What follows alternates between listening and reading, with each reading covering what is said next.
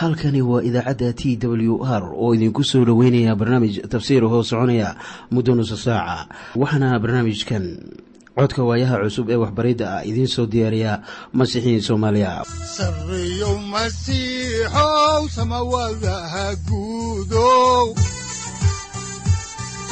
Siraadkii adduunkow subanaha eebow sareyow masiixow samawadaha guudow siraadkii adduunkow subanaha eebow adigoo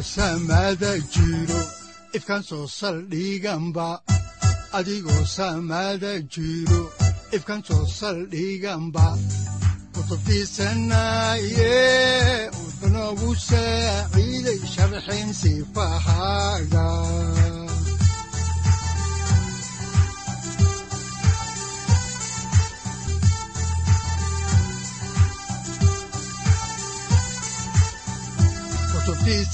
kutubtiisinayow ebanagu saaciid sharxin sifahaaga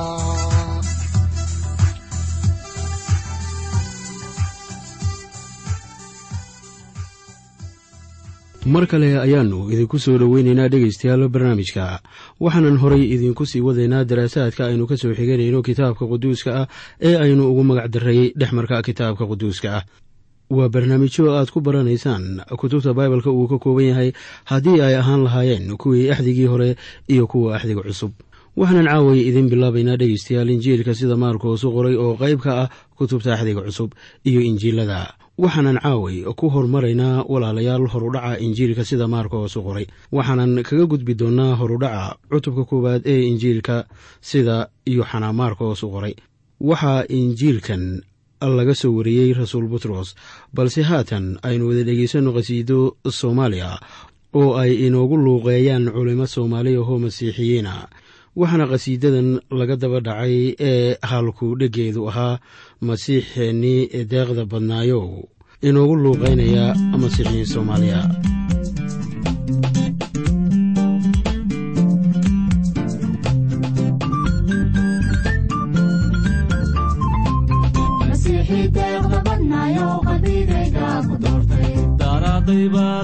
Dulmo qalbigayga ku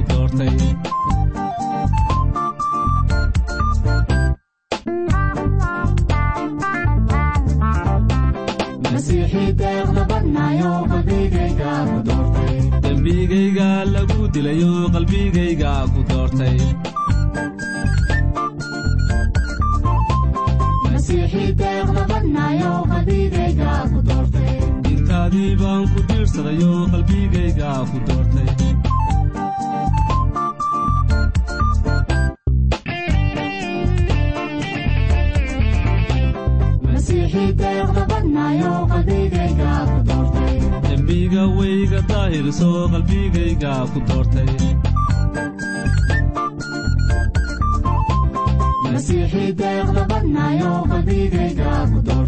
Dhiiggaagii bay gu daahirso qalbigayga ku doortay.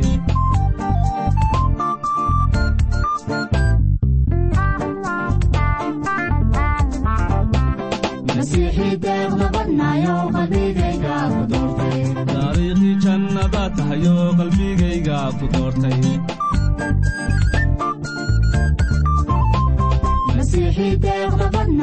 qalbigayga ku doortay. Rabbiyow daacad baan ahayo qalbigayga ku doortay.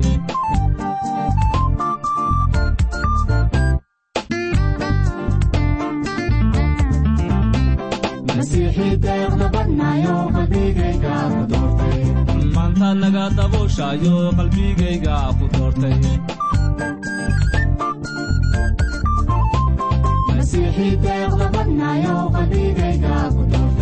daa'inkay baad la nooshahayo qalbigayga ku doortay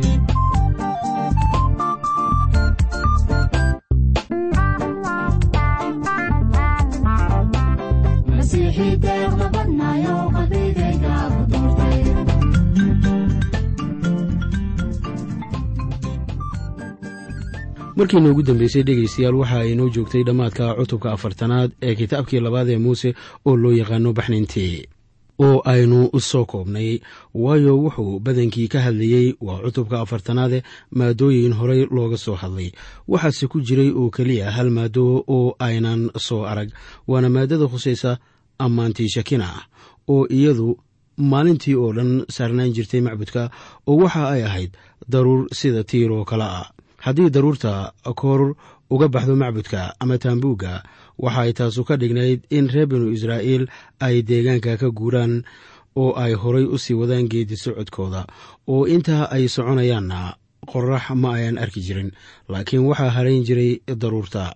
Habeenkiina daruurta waxaa ku dhex jiri jiray dab oo way dhalaalaysay waxa ay ifin jirtay xerada oo haddii ay dhacdo inay safrayaanna waxa ay ku lugayn jireen iftiinka iyo caddada weyn. Waxaa markaa daruurtaa sida tiirka oo kale ahayd oo macbudka dul saarnaan jirtay la oran jiray shakina. Haddaan markaa iminka intaa uga baxno casharkii kan inoogu horreeyey iyo weliba kitaabka baxniintii ayaannu iminka idiin bilaabaynaa dhegaystayaal injiilka sida maarkos u qoray waayo markii aynu soo baranno kutub axdiga hore ka mid a ayaannu haddana soo gallaa kutub ka mida axdiga cusub marka ay sidan tahay dhegaystayaal waxaannu ku horumaraynaa horudhaca injiilka sida maarkos u qoray. Balse aynu marka hore ku bilowno ama ka hadalno wakhtigii la qoray injiilkan uu qoray yoxana markos injiilkan markos qoray marka la eego isku aadka injiilada ma ahayn kii ugu horreeyey. Laakiin waxa uu ka mid ahaa injiilka sida markos u qoray mid ka mid a kutubtii ugu horreysay ee la qoro ee qayb ka noqday kitaabka axdiga cusub. Waxaa sida abbaarta ah injiilka markos ku magacaaban ee masiixa lagu qoray roma saddex iyo lixdan sannadood kadib dhalashadii ciise masiix. Bal iminka waxaannu ku hormaraynaa maadada khusaysa qoraha. Yaa qoray kitaabkan. Waxaanan bal isla eegaynaa ciddii ka dambeysay ee qisooyinkan masiixa soo ururisay oo ku magacaaban injiilka sida markos u qoray. Haddaba ninka la yidhaahdo yoxana markos waxa uu ka mid ahaa qorayaasha kitaabka axdiga cusub haddana kama uusan mid ahayn rasuullada. Matayos waxa uu ahaa rasuul dabcan oo yoxanaana rasuul buu ahaa. Ha yeeshee luukos waxa uu ahaa saaxiib wanaagsan oo uu lahaa rasuul bawlos. Magaca markos haddaan dib ugu noqonno waxa uu ahaa yoxana markos yoxana waxa uu ahaa magaciisa cibraaniga ah markosna waxa uu ahaa magaciisa laatiinka. Ah sida laynoogu sheegay kitaabka falimaha rasuullada cutubka labayo tobnaad aayadda labayo tobanaad oo waxaa qorniinka uu leeyahay iyadoo yoxana markos laga hadlayo kolkuu waxaa ka fikiray waxa uu yimi gurigii maryan oo ahayd hooyadii yoxanaa oo markos la oran jiray. Meeshaasoo dad badan ay ku urursanaayeen oo ku tukanayeen waa markii koowaad ee aynu haddaba qorniinka ka maqallo magaca yoxana markos wakhtiganna waa isla wakhtigii simon butros laga soo daayey xabsiga. Xaqiiqadu waxa ay ahayd in qidcada kore ay noqonayso taariikhdii koowaad ee laynaga siiyey yoxana markos sida ku qoran qorniinka. Hooyadiina waxa ay ahayd haweeney maalqabeena oo ka mid ahayd masiixiyiintii kiniisadda yeruusaalem oo sida la rumaysan yahayna kiniisaddu waxa ay ku kulmi jirtay gurigeeda markos waa kii raacay ama la socday. Rasuul bawlos lugtiisii koowaad ee safarada wacdiska injiilka. Waxaana abti uu ahaa yoxana. Markos ninkii ka mid ahaa xerta ciise masiix oo welibana ka mid ahaa kuwa injiilka gaarsiiyey aasiyada yar iyo weliba carabaha oo la oran jiray barnabas oo ahaa nin deeqsi ah oo welibana ahaa reer laawi oo ka mid ahaa xertii masiixa waxaa rasuul bawlos uu inoogu sheegayaa isaga oo ka hadlaya yoxana markos in ninka dhallinyarada ah uu ahaa wiilkii xagga ruuxa ee rasuul butros. Rasuul butros ayaa waxa uu leeyahay sida ku qoran warqadiisii koowaad ee uu qoray cutubka shanaad aayadda saddex iyo tobanaad. Sida tan waxaa idin soo salaamaya tan baabuloon joogta oo laydinla doortay iyo wiilkayga markos haddaba injiilka sida markos u qoray waxaa wakhti dheer loo haystay inuu qoray rasuul butros waxaana jira caddaymo waaweyn oo aragtidaasu leedahay oo balqadar ayaannu isla indha indhaynaynaa yoxana marcos waxa uu ku biiray ama uu jameeco la ahaa rasuul boolos iyo barnabas intaanay bilaabin lugtoodii koowaad ee safarada wacdiska injiilka. Waxaa laynoogu sheegayaa haddaba arrin la xidhiirata kitaabka falimaha rasuullada cutubka saddexiy tobnaad aayadda shanaad. Oo waxaa qorniinku leeyahay sida tan oo kolkay salamis joogeen hadalkii ilaah bay ku wacdiyeen sunagoga yuhuudda oo yoxanaa ayaa ay kaaliye u haysteen. Yoxanaa marcos taariikhdiisii wacdisku sidaa ayaay ahayd oo waxa uu kaaliye u ahaa labadan wacdiye ee kale ahaa rasuul bawlos iyo barnabas oo ahaa ninkii naxariista badnaa oo welibana deeqsi ahaa. Markiise ay gaareen berga oo ku taalla bamfuliya ayaa uu isbedelay yoxana marcosoo way ku adkaatay inuu la socdo bawlos waxaa markaa rasuul bawlos goostay inaanu kaaliye u noqon ama u haysan ninkan dhallinyarada ah ee yoxana marcos la yidhaahdo ha yeeshee barnabas oo isagu la socday bawlos oo isagu ka mid ahaa wacdiyayaasha injiilka masiixa ayaa fikrad taa ka duwan qaatay. Wuxuu yoxana marcos soo raacay haddaba barnabas sida qorniinka falimaha rasuullada inoogu qoran laynoogu sheegayo. Welibana waxaa qiidcooyinka ka hadlaya ay ku qoran yihiin cutubka shan iyo tobanaad aayadaha soddon iyo toddoba ilaa soddon iyo siddeed waxaana qorniinka quduuska ahi haddaan idin akhrino qidcada uu leeyahay. Barnabas waxa uu doonayey inay kaxaystaan yoxanaa oo la oran jiray marcos laakiin bawlos waxaa la wanaagsanaatay inayan kaxaysan isaga kaasoo iyaga kaga tegay bamfuliya oo aan shuqulkii iyaga u raacin. Waxa ay iila muuqataa haddaba sida in rasuul bawlos gartay in yoxana marcos ku tacadiyey iyaga kadib markii uu diiday inuu u raaco bamfuliya oo uu la qabto shuqulkii wacdiska. Ha yeeshee aayadda sagaal iyo soddonaad ayaa arrinkaa isaga ah tafaasiil ka bixinaysa oo waxaa qoran oo waxaa dhacay khilaaf weyn. Sidaa daraaddeed way kala tageen. Markaasaa barnabas waxa uu kaxaystay marcos oo waxa uu u dhoofay qobrus. Haddaba wixii intaa ka dambeeyey dhegaystayaal yoxana marcos wixii uu sameeyey inooguma qorno kitaabka. Ha yeeshee waxaa ku qoran inuu kol dambe isbedelay. Mar kale ayaa rasuulku haddana magaca yoxana marcos ku qoray warqaddiisii labaad ee timoteos cutubka afraad aayadda koob iyo tobanaad. Markaasoo rasuul bawlos lahaa haatan luukos oo keliya ayaa ila jooga. Marcos soo kaxee oo ha ku soo raaco waayo waxtar buu igu leeyahay xagga adeegidda. Ha yeeshee waxaa su'aalay ka taagan tahay in magiciisa laynoogu sheegay injiilka iyo in kale. Waxaan anigu rumaysanahay inaan yoxana marcos magiciisa lagu soo qaadin injiilada masiixa. Waxaa markaa laynoo sheegayaa in ninkan yoxana marcosa uu ka helay xaqiiqooyinkii injiilka rasuul butros waxaanan iminka isla eegeynaa maadada kale ee ku taxluuqda cidda loo qoray injiilada. Waxaanan ku bilaabayaa su'aasha ah maxaa afar injiil u jiraan ama loo qoray asbaabta ugu horreysa ayaa waxa ay tahay in injiilada loo kala qoray dad kala duwan. Injiilka sida matayos u qoray waxaa lagula hadlayaa qaranka israa'iil oo waxaa leh dad ahludiina injiilka sida maarkos u qorayna waxaa loo qoray oo keliya reer rooma oo waxaa iska leh shacbi weynihii ay reer rooma u talin jireen. Waxaa loo qoray nin awood iyo xoog u sugnaaday. Reer roma waxa ay dunida xukumi jireen ama xukumayeen kun sannadood waxaana injiilka sida maarkos u qoray iska lahaa dadka iyaga ah. Waxaa dadka iyaga a saarnaa cag bir ah iyo xakame oo waxa ay ku hoos jireen nabaddii la khasbay ee reer rooma oo cagta birta ah ee reer roomana waxa ay qaadanaysaa ama loo hurayaa kharash waayo waxaa dhulka reer rooma ka jiray xukun keligii talisa oo ay xukumayeen imberadooro arxan daran waxaa nin mufasir ahaa oo ka faalloonaya sidii xaalku ahaa wakhtigii reer rooma uu leeyahay. Reer rooma waxa ay isku dayeen inay awoodda dadka oo sharci kala hagayo oo lagu jaangooyey mabaadii siyaasadeed oo la ebyayo cadaaladda inay kaamili karto aadmiga oo ay qabyatirayso shakhsiga reer rooma iyo inay dowladda reer rooma ka dhigayso mid muctarif ah reer rooma taa way isku dayeen laakiin lama helin wax qabyo tira laciifnimada aadmiga ee ah xagga qalbiga. Nabadna ka iman mayso ama ku iman mayso xoog weyn xoog weyn. Welibana waxaa taa isku dayey ururo badan sida qaramada midoobay oo waagii hore la oran jiray league of nations iminkase la magac baxay united nations. Waxaa markaa nabadda la khasbayo ay ka timaadaa quwad ama dowlad xoog leh.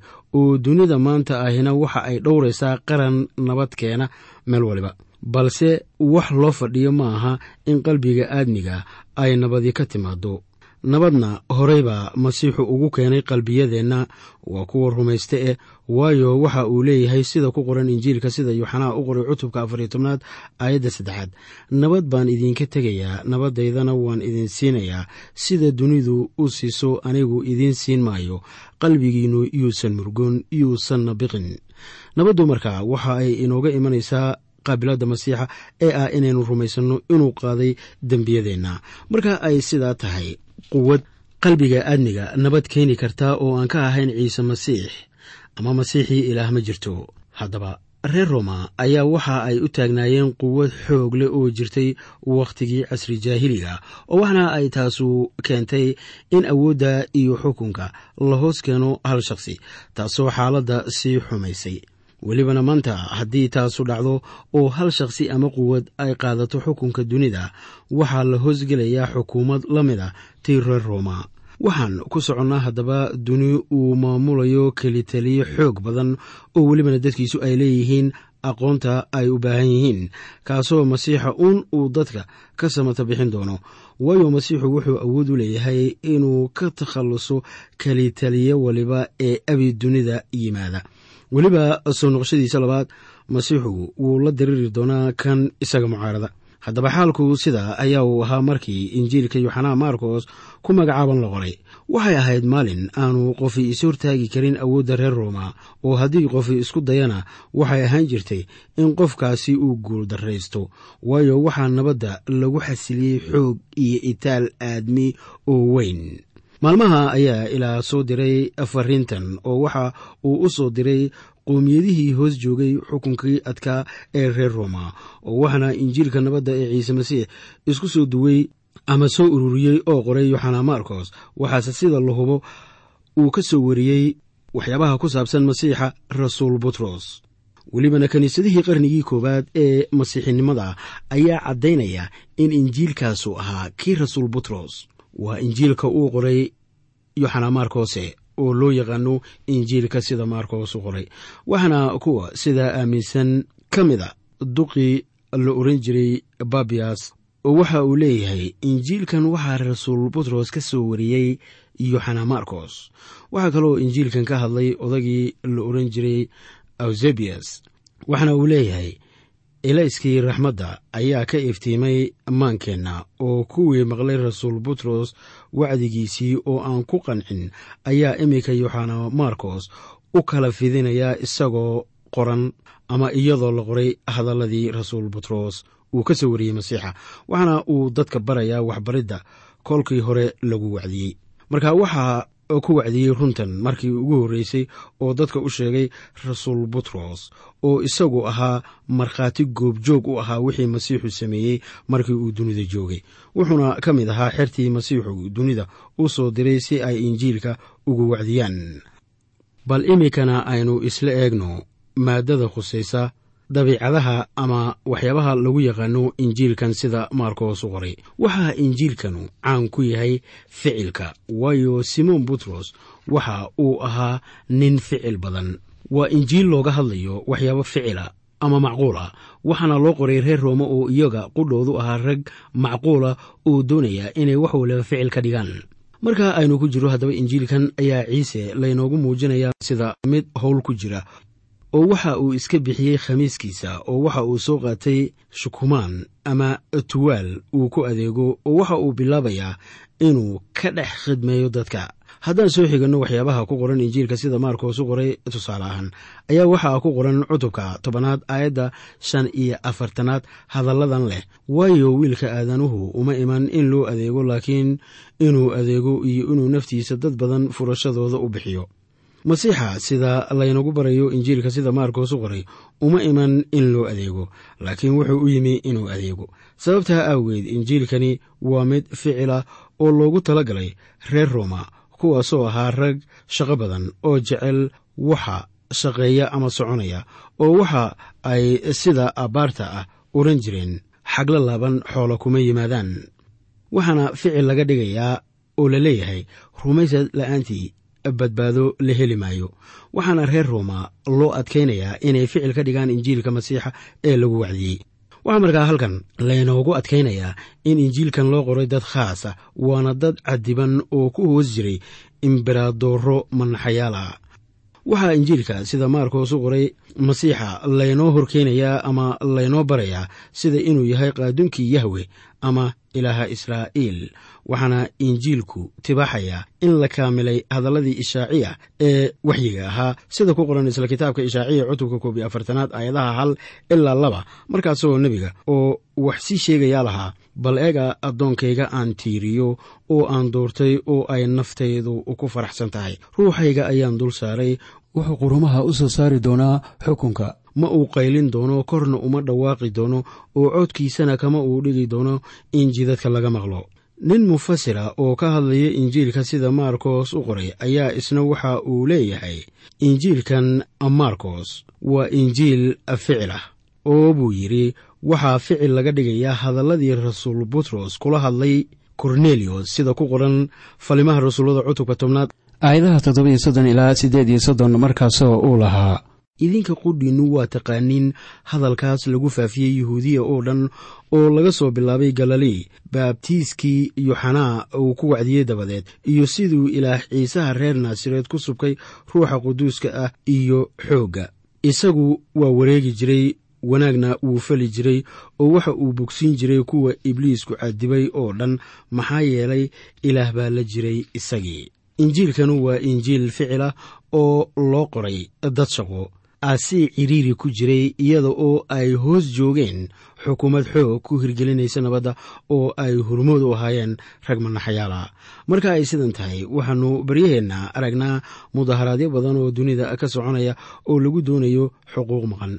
Kuwa abaabulayana waxa ay ku doodayaan inay wax hagaajinayaan laakiin wanaag looma arko taa ciise masiix wuu yimi oo waxa uu ku yimid jir aadmiya iyo buuxnaanta rabaaninimada inuu wanaag falo aawadeed bilowgii injiilka. Dabadeedna wuu dhintay oo dhimashadiina wuu ka sara kacay. Waxaa markii uu soo sara kacay dabadeed uu u muuqday xeertiisii waxaana uu ku yidhi taga oo injiilka ku naadiyey quruumaha waxaana markaa iyada ah la dhammeeyey fariinta injiilka oo dabadeedna waa la qoray oo injiilkuna wuxuu qayb ka yahay fariimihii wacdiska ee laga soo wariyey ciise masiix hanaanka loo qoray qorniinka yoxana markos ee injiilkan wuu gaaban yahay oo si deg deg ah ayaa loo qoray laakiin qurux badan. Yoxana markos hadalkiisa ma badnayn wuxuuna toos u abbaarayaa ahmiyadda. Waa injiil ficil ah oo weliba dantii laga lahaa dhammaystiraya. Masiixa laga dhigi maayo ama laynoo hor keeni maayo sida mid la jecel yahay. Ha yeeshee waxaa laga dhigayaa sida qaaduun guntiga dhiisha isaga dhigay. Waxaa injiilkan loo qoray dadka caadiga laakiin looma qorin kuwa magac iyo darajo lagu sheego. Waxaase la isticmaalayaa hadallo dardarta injiilka qeexaya iyo sida loogu baahan yahay wax waliba ee masiixu leeyahay in ficil laga dhigo. Waayo masiixa ayaa wax waliba caddaynaya oo u muujinaya dadka wuxuu u sheegayaa in injiilkani uu yahay ficil laakiin aanu ahayn hadal iska dheh ah. Wax waliba waa ficil oo waa injiil ku habboon shacbi weynihii reer rooma ee lagu anqariyey shaqada kuwaasoo wax soconaya waxaan ahayn aan loo keeni jirin. Welibana wuxuu soo xiganayaa yoxana markos qaar ka mida kutubta axdigii hore inkastoo ayan badnayn xigashadiisu. Maxaa wacay dadka reer rooma? Waxba kama ayan garanayn xilliga kitaabka axdigii hore. Marka in lagala hadlo arrinka ayaan macno u lahayn iyaga. Waxaad garanaysaan haddaba in injiilka sida matayos u qoray lagu bilaabay abtirka waayo waxa ay ahayd in la caddeeyo in masiixu uu ahaa kii boqortooyada lahaa. Waayo masiixu wuxuu hooyada ka soo farcamay maryama oo iyadu ka soo farcantay boqor daa'uud waxaana uu ku calool galay ruuxa quduuska. Ah waxaana injiilka sida matayos u qoray lagu caddaynayaa in masiixu ahaa boqorkii yuhuudda ee horay loo ballanqaaday waxaana loo qoray injiilka isaga ah dadka yuhuudda ah ee garashada u lahaa kitaabka axdigii hore. Waxaa injiilkan sida markos u qoray masiixa laynoo hor keenayaa ama barayaa sida qaaduun inuu ahaa waayo dadka lala hadlayaa waxay ahaayeen dadka caadiga ah oo iyaga oo dhan khidmaynta macne ayay u leedahay. Laakiin abtir iyaga macne uma lahayn oo haddii nin addoona aad kala hadasho abtirkiisa wuu kula yaabayaa waayo abtir micne uma lahan oo kuma raaxaysanayo.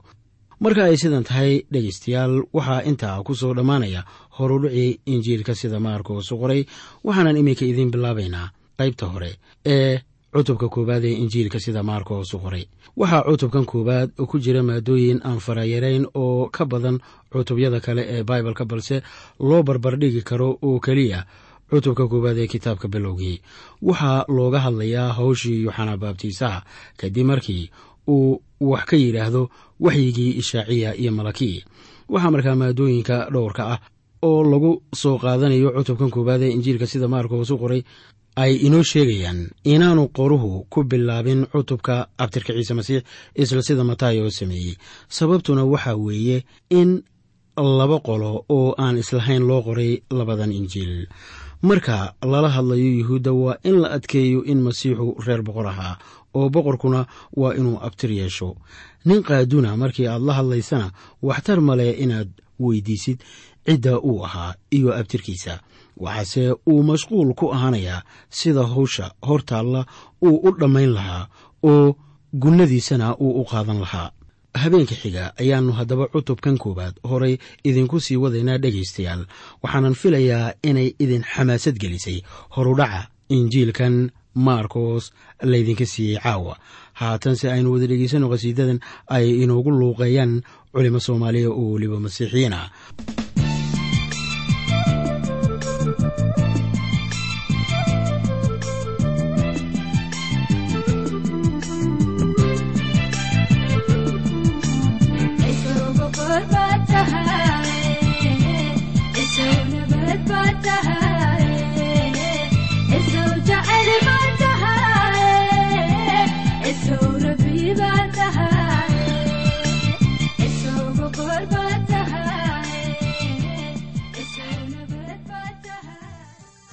sareeyo masiixow samawadaha guudow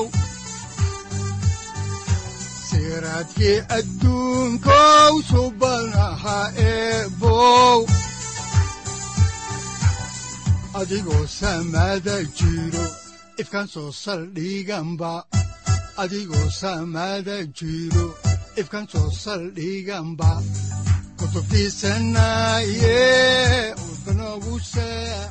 halkani waa t w r idaacadda t w r oo idinku leh ilaa ha barakeeyo oo ha idinku anfaco wixii aad caawi ka maqasheen barnaamijka.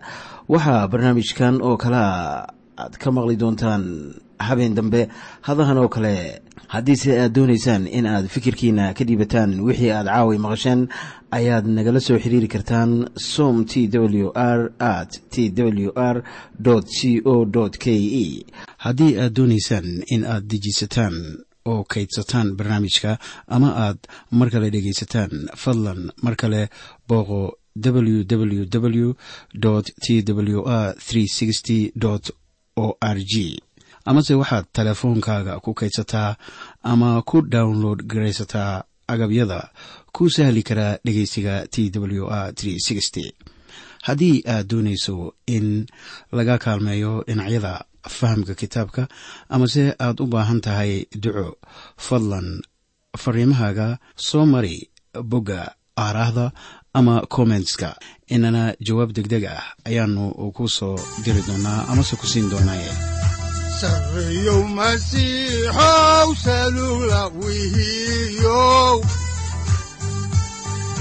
saacadda timid dhulka sabada ku dhalatiyo